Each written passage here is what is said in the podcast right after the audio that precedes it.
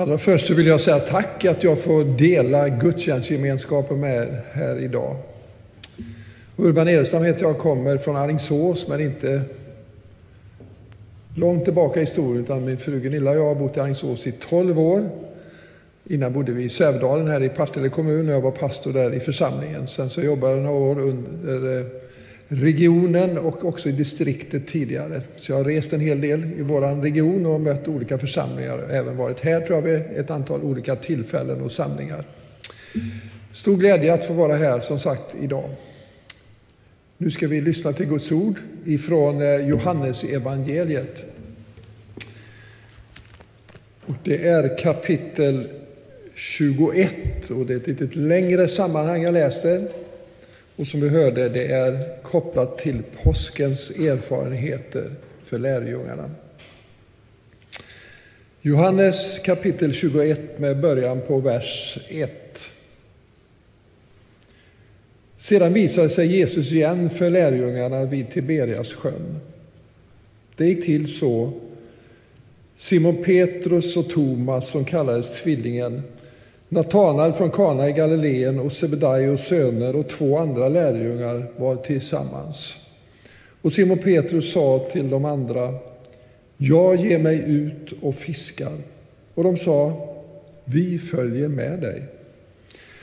Och de gick ut och steg i båten, men den natten fick de ingenting. Och när morgonen kom stod Jesus på stranden. Men lärjungarna förstod inte att det var han. Och Jesus frågade, mina barn, har ni ingen fisk? De svarade nej. Och han sa, kasta ut näten på högra sidan av båten så får ni. De kastade ut nätet och nu orkade inte dra in den för all fisk. Den lärjunge som Jesus älskade sa då till Petrus, det är Herren. Och när Simon Petrus hörde att det var Herren knöt han om sig ytterplagget, för han var inte klädd, och hoppade i vattnet. Och de andra lärjungarna kom efter i båten med fångsten på släp. Och det hade inte långt till land, bara ett hundratal meter. Då de steg i land fick de se en glödhög och fisk som låg på den och bröd. Och Jesus sa till dem, hämta några av de fiskarna som ni just fick. Och Simon Petrus gick upp på stranden, drog i land nätet som var fullt av stora fiskar, 153 stycken. Och fast det var så många gick nätet inte sönder. Och Jesus sa till lärjungarna, kom och ät. Och ingen av dem vågade fråga honom vem han var, för de förstod att det var Herren. Och Jesus gick fram och tog brödet och gav dem, och likaså fisken. Detta var tredje gången som Jesus visade sig för lärjungarna sedan han hade uppstått från de döda. När de hade ätit sa Jesus till Simon Petrus, Simon, Johannes son, älskar du mig mer än de andra gör? Simon svarade, ja, Herre, du vet att jag har dig kär. Och Jesus sa, för mina lamm på bete. Och han frågade för andra gången, Simon, Johannes son, älskar du mig? Och Simon svarade, ja Herre, du vet jag har dig kär. Och Jesus sa, var en herde för mina får. Och han frågade honom för tredje gången, Simon, Johannes son, har du mig kär? Och Petrus blev bedrövad när Jesus för tredje gången frågade, har du mig kär? Och han svarade, Herre, du vet allt, du vet att jag har dig kär. Och Jesus sa, för mina får på bete. Sanningen jag säger dig, när du var ung spände du själv bältet om dig och gick vart du ville. Men när du blir gammal ska du sträcka ut dina armar och någon annan ska spänna bältet om dig och föra dig dit du inte vill. Så angav han med vad slags död Petrus skulle förhärliga Gud. Sedan sa han till honom, följ mig. Amen. Tack Herre för ditt ord och att vi får dela det med varandra. Tack att det är ett levande ord. Jag ber Herre att du med din Ande kommer till oss i det som är förkunnelse, i det som är det levande ordet och att du förnyar våra liv i vår allra heligaste tro. Tack att du får vara en mötesplats här i kyrkan idag. Tack att du är här och vi får vara här. Amen.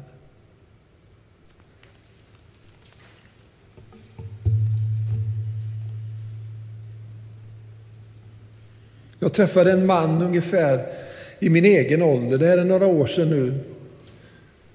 Och han sa, jag måste berätta, jag har fått en bror. En som inte jag kände till, en som inte jag visste om, en som inte var känd i vår släkt, i vår familj. Och nu har jag fått en bror. Och allting blir så annorlunda. Han är min fysiska bror.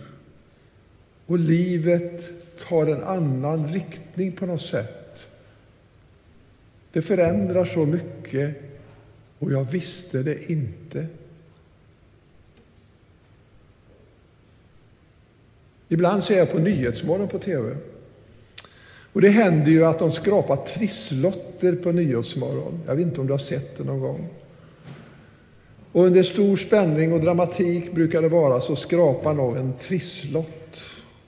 Och jag har sett vid något tillfälle när det blivit högvinst. Alltså då handlar det inte om tusenlappar, utan då handlar det om miljoner. Och man ser på den här personen som skrapar lotten att det här förändrar allt. Livet får på något sätt andra dimensioner. Kanske man har tänkt i små siffror och går därifrån med de stora beloppen. Och allt blir så annorlunda. Hur ska man förhålla sig till detta som har hänt egentligen? Med så nya dimensioner av ekonomi och möjligheter. Ja, ibland så så möter vi människor som har gjort speciella erfarenheter och upplevelser. Och du kanske också är en av dem. också i trons värld och i Guds relationen så kan det ibland vara omvälvande erfarenhet som gör att livet blir aldrig riktigt detsamma. Det kanske får en ny riktning, ett nytt innehåll. Och vad betyder det här egentligen? Och så tänker jag på lärjungarna som tre år tidigare ungefär, innan texten vi läste, var där vid fiskebåtarna, många av dem, för de var ju fiskare. Och så kommer Jesus där och går på stranden. På något sätt så måste han ju ingjuta ett visst förtroende, en viss alltså, utstrålning som gör att när han säger orden ”Följ mig” så lämnar de fiskebåtarna och näten och följer honom. Och så är det ju många omvälvande upplevelser under de här tre åren. Inget som de hade kunnat räkna ut i förväg, men helt plötsligt så är de med om saker och ting och händelser och sånt som tror jag inte ens nästan fanns i deras föreställningsvärld. Allt blir så annorlunda därför de går tillsammans med Jesus. Och så är det påsk i Jerusalem. Denna märkliga påsk och som vi har följt nu också i kyrkan. Getsemane, man griper Jesus. Förhören, domen, korsfästelsen, graven, uppståndelsen. Visst är det omtumlande, alltihop. Och så berättar Johannes också innan det vi har läst idag att rätt vad det är så står också Jesus där vid något tillfälle tillsammans med dem efter uppståndelsen. Och frågan är, när det händer omvälvande upplevelser på olika plan i vårt liv, hur hanterar vi det? Hur orienterar vi oss utifrån detta? Jag tänker, det var ju lärjungarnas fråga. När man inte riktigt vet hur ser riktningen ut nu? Och då kliver Petrus fram. Och då säger han, jag ger mig ut och fiskar. Och så säger flera av de andra som är tillsammans med honom, vi följer med dig. Och så är de tillbaka på ruta ett igen. Detta var ju det de hade lämnat en gång. Detta är ju deras profession, det de kunde, det de var uppfostrade i. Att gå ut med fiskebåtarna på Genesaretssjön, att lägga nät. Det var ju det det handlade om för dem.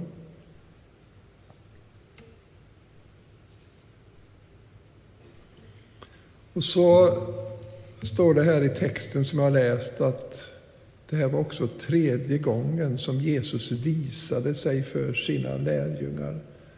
På nytt igen hände något märkligt.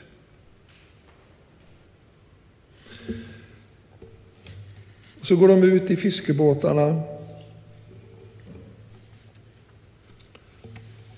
Och så blir det en sån annorlunda fisketur.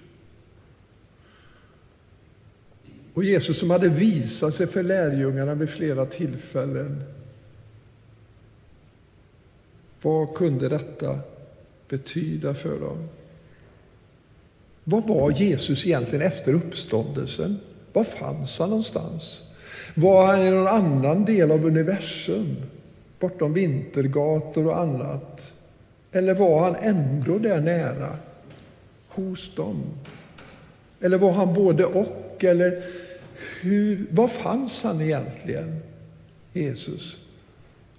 Som hade vid några tillfällen kommit till dem. Och vi läser om det, hur han helt plötsligt stod där i rummet fast de hade låst dörrarna och önskade dem frid. Och Thomas inte var där. Och han kunde inte tro när lärjungarna, de andra, berättade. Han sa, får inte jag själv se det? Får jag inte känna på honom och på såren så kan jag inte tro. Och så går det några dagar ytterligare så går Jesus som sagt nästan in genom väggen. Helt plötsligt så är han ju bara där. Och så får också Thomas möta honom.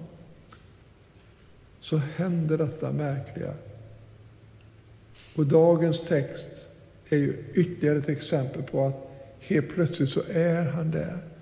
Och jag tänker att det är som att lärjungarna får träna trons ögon. Jesus är inte långt borta. Men han är inte fysiskt närvarande på det sättet som de har varit van sig vid under några år. Men det innebär inte att han har försvunnit. när han är där. Och så tränar de trons ögon så kan vi följa det här efter påsk, 40 dagar fram till det vi kallar Kristi himmelfärdsdag. Då Jesus på ett tydligt sätt lämnar dem på det sättet. Men han säger, jag ska ge min ande, den helige ande ska komma över er, ska komma till er. Och jag ska vara närvarande genom den helige ande. Och så har man tränat under de här dagarna trons ögon. Och så tror jag att också vi kan behöva träna trons ögon. Vi tror ju på en Gud som är närvarande. Vi tror på att Jesus är här. Mitt i detta rum är du, Herre Jesus. Och vi samlas omkring dig. Du är här med din gode heliga Ande. Du är inte någon annanstans.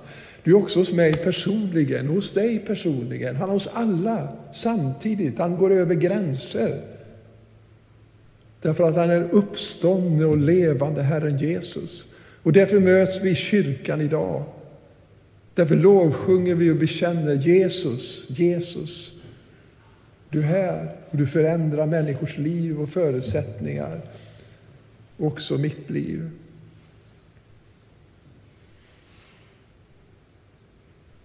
Och så är de där på sjön och kastar ut näten. Och jag känner att det finns lite so någonting sorgesamt i det här nästan. För det står, den natten fick de ingenting. Det som de kunde, det som var deras yrke Och så får de inte ens någon fisk i nätet.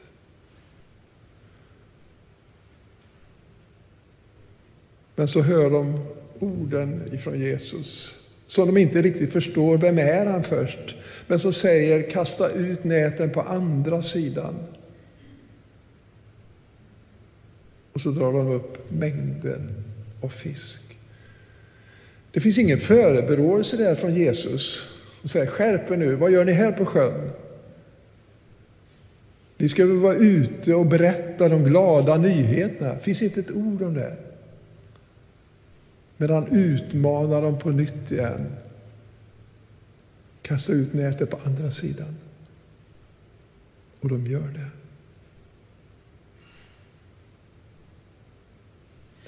Och det som händer, det är ju, och som vi läste i texten,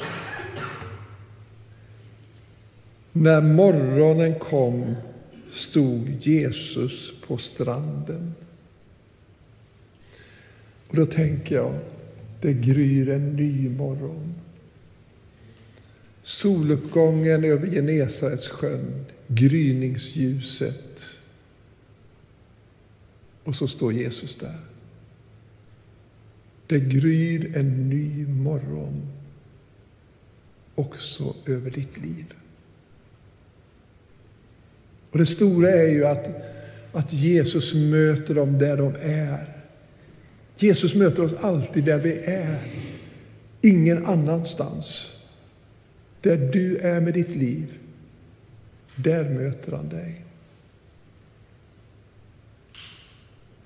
Idag så har vi nästan i alla i våra mobiltelefoner en så kallad GPS eller en navigator som hjälper oss att kunna navigera om vi ska åka till Lerum eller någon annanstans för att kunna hitta rätt och rätt plats och gata.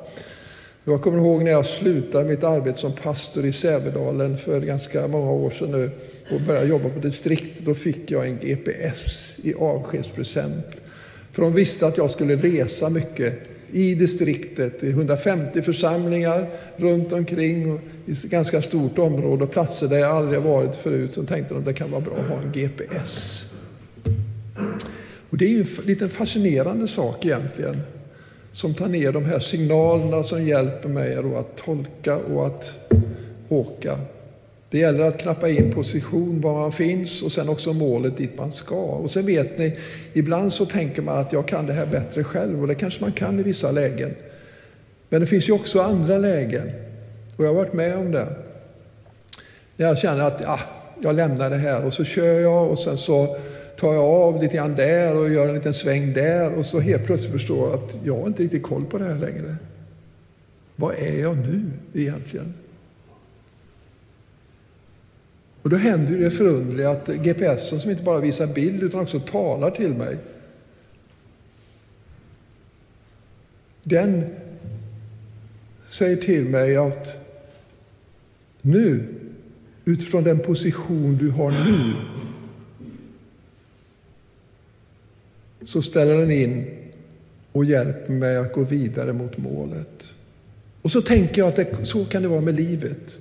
Ibland kan vi irra, vi kan gå vilse, vi undrar var är vi någonstans, hur orienterar vi oss?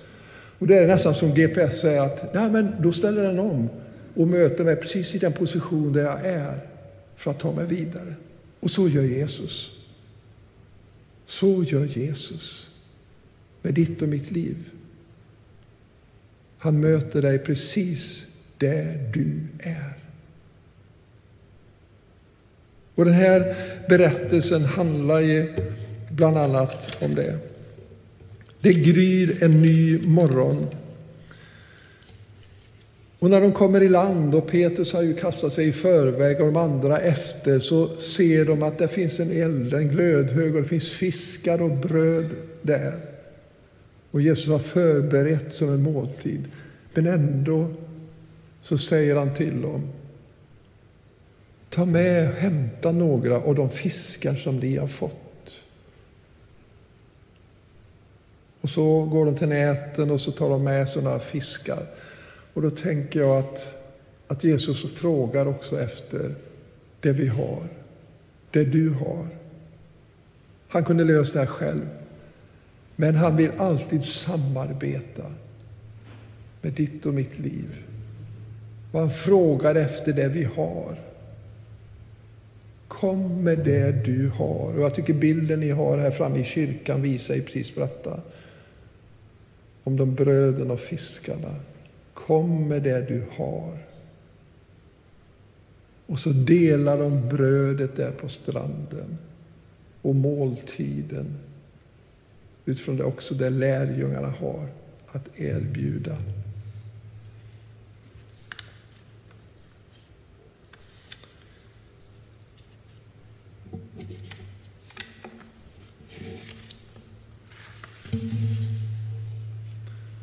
Så finns det en fortsättning på den här berättelsen där Petrus får ett särskilt möte med Jesus. Petrus som så tydligt har bekänt att han ska aldrig vika av från Jesus sida. Om de andra faller undan så ska han stå fast. Han som hade sagt de höga orden av bekännelsen, men ändå som svek så tydligt och förnekade Jesus. Och nu möter Jesus honom särskilt, för Petrus tror jag behöver en särskild hälsning. Det finns mycket förebråelser i det som var hans misslyckande. Och kanske var det en av anledningarna som låg bakom när han säger att jag ger mig ut och fiskar. Vad ska, vad ska jag göra? Vad betyder jag? Vad ska mitt liv inrymma i framtiden? Och så tar Jesus honom lite grann åt sidan. Och så för de det här samtalet. Och där, där Jesus ställer frågorna om han älskar honom. Och där Petrus får svara på det här. Precis som han förnekade honom tre gånger så får han svara på Jesus, du vet att jag älskar, jag har dig kär Jesus. Och ibland så behöver vi ju kanske ett eget tilltal på ett särskilt sätt i det som är våra förberåelser, i det vi känner att det här gick inte som vi hade önskat eller tänkt. Och då kan Jesus stanna upp precis där du är i ditt liv och möta dig. Och du får på nytt igen bekräfta din kärlek, din längtan, din vilja att få vara en lärjunge, att få följa honom, att ta steg vidare. Och så säger Jesus på nytt igen orden Följ mig. Amen.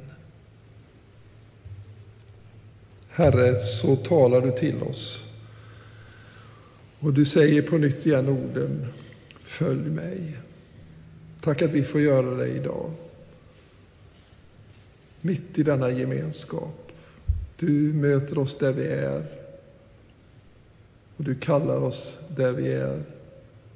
Och vi får gå vidare tillsammans med dig. Amen.